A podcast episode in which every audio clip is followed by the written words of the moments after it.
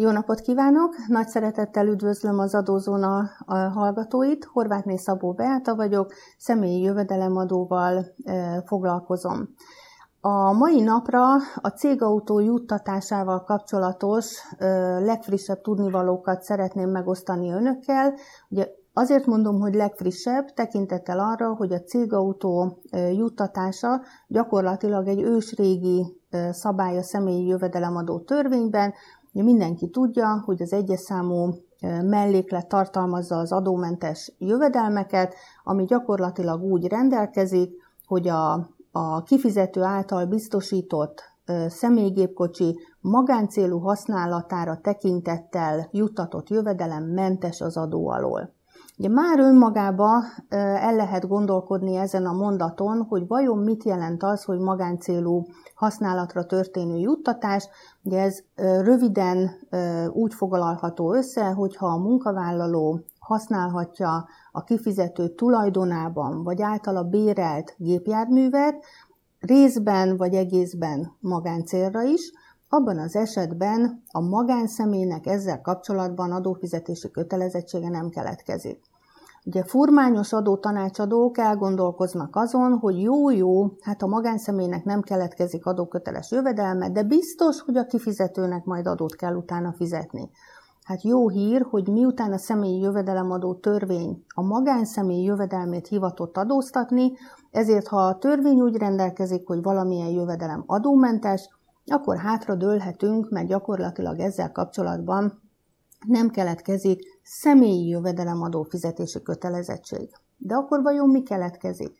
A gépjármű adóról szóló törvény értelmében külön fejezet foglalkozik a cégautó adónak az adózásával, tehát a gépjármű adóról szóló törvényben keresendő, hogy a meghatározott gépjármű után milyen adófizetési kötelezettsége keletkezik a társaságnak, abban az esetben, ha az autóval összefüggésben költséget számol el. És hát nyilván legyen az bérleti díj, üzemanyagköltség, bármilyen, akár számviteli törvény szerint, akár személyi jövedelemadó törvény szerint elszámolható költség, keresem a cégautó fizetési kötelezettséget. De most nem erről szeretnék alapvetően beszélni, hanem arról a 2022 nyarán napvilágot látott adóhivatali tájékoztató állásfoglalás szövegéről, ami gyakorlatilag ráirányította a figyelmet arra, hogy a cégautó az nem csak egy hosszú, négy-öt éves kapcsolatot jelent a magánszemély és az autó között, hanem lehet rövid távra is ö, autókat biztosítani a magánszemély részére.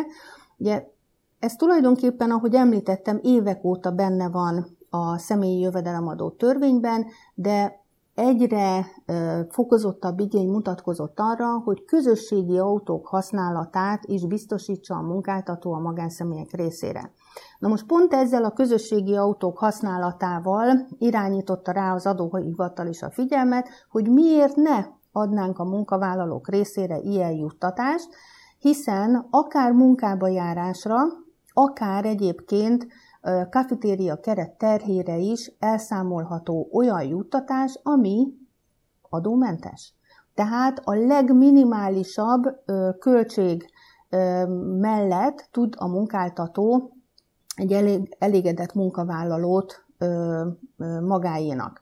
Miért fontos ez? Mert hogyha közösségi autót használ a magánszemély, gondoljanak például nem is, inkább azt mondom, a saját fiamból kiindulva fiatalember eszébe nincs autót vásárolni, de hát időnként azért szeretne lemenni a Balatorra, szeretne elmenni külföldre, ami, amihez ugye egy-két hétre, egy-két napra autóra van szüksége. Ugye ebben az esetben ez egy nagyon jó eszköz arra, hogy a munkavállaló lehetőséget kapjon arra, hogy ő elszámolhassa ezt az autóbérletet a kafetéria keret terhére, mindenki boldog lesz, ő elmegy nyaralni, a munkáltatónak viszont nem került többlet költségbe.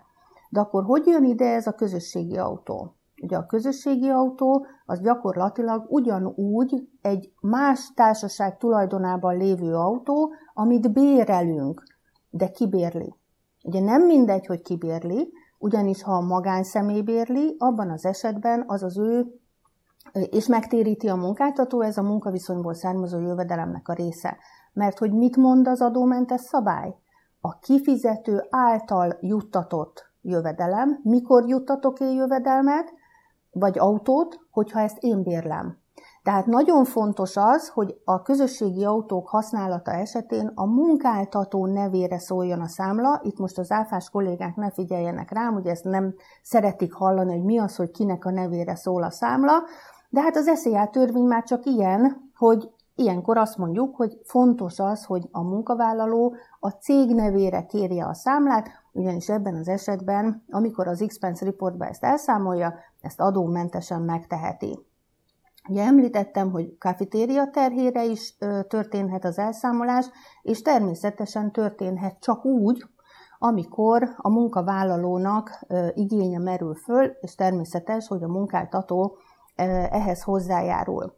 Ugye érdekes kérdés még a személyi jövedelemadó törvényben, hogy kifizető és magánszemély. Tehát ez azt jelenti, hogy a munkáltató, a kifizető biztosíthat a munkavállalónak, de biztosíthat a tulajdonosnak a feleségének, sőt, még a tulajdonos barátnőjének is, mert hogy ez társasági adó szempontból ugye elszámolható költség, és nem eredményez személyi jövedelemadó fizetési kötelezettséget. Az állásfoglalásban találkozunk egy nagyon érdekes gondolattal, ugyanis kimondja, hogy a parkolás az csak abban az esetben számolható el adómentesen, ugye szintén ez a rendelkezés ad lehetőséget erre, hogyha üzleti célú a parkolás. És itt elveszíti az értelmét az egész cégautóval kapcsolatos nagyon könnyű elszámolás, tekintettel arra, hogyha nekem, mint munkavállalónak a parkolásról listát kell vezetnem, akkor ugye az már egy olyan adminisztrációt jelent, ami elveszi ennek az egész juttatásnak a varázsát.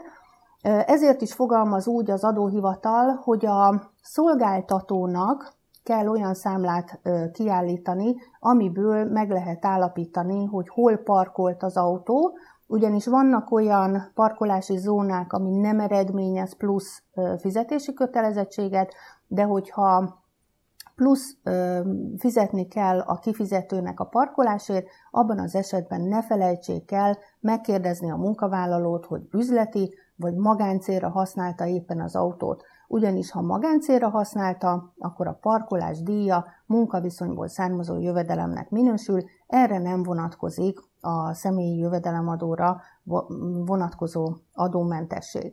Egyébként az autónak a használatával kapcsolatban valamennyi költséget el lehet számolni.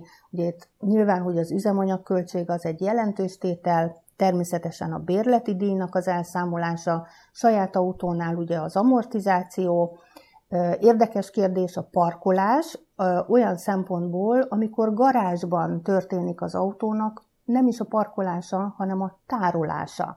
Ugye ebben az esetben kérdés, hogy az SZIA törvénynek a mentes részét mondom, vagy pedig a tevékenységhez használt eszköz, mint cégautónak a, a garázsban történő tárolásáról beszélek, ami véleményem szerint az SZIA törvény negyedik paragrafus 2a pontja alapján adómentesen elszámolható. Dióhéjban ennyi fért bele a mai napba, bízom benne, hogy felkeltettem az érdeklődést, javaslom a cégautóval kapcsolatos szabályokat, akár az adóhivatalnak a honlapján, akár a mi hasábjainkon kísérjék figyelemmel. Köszönöm szépen!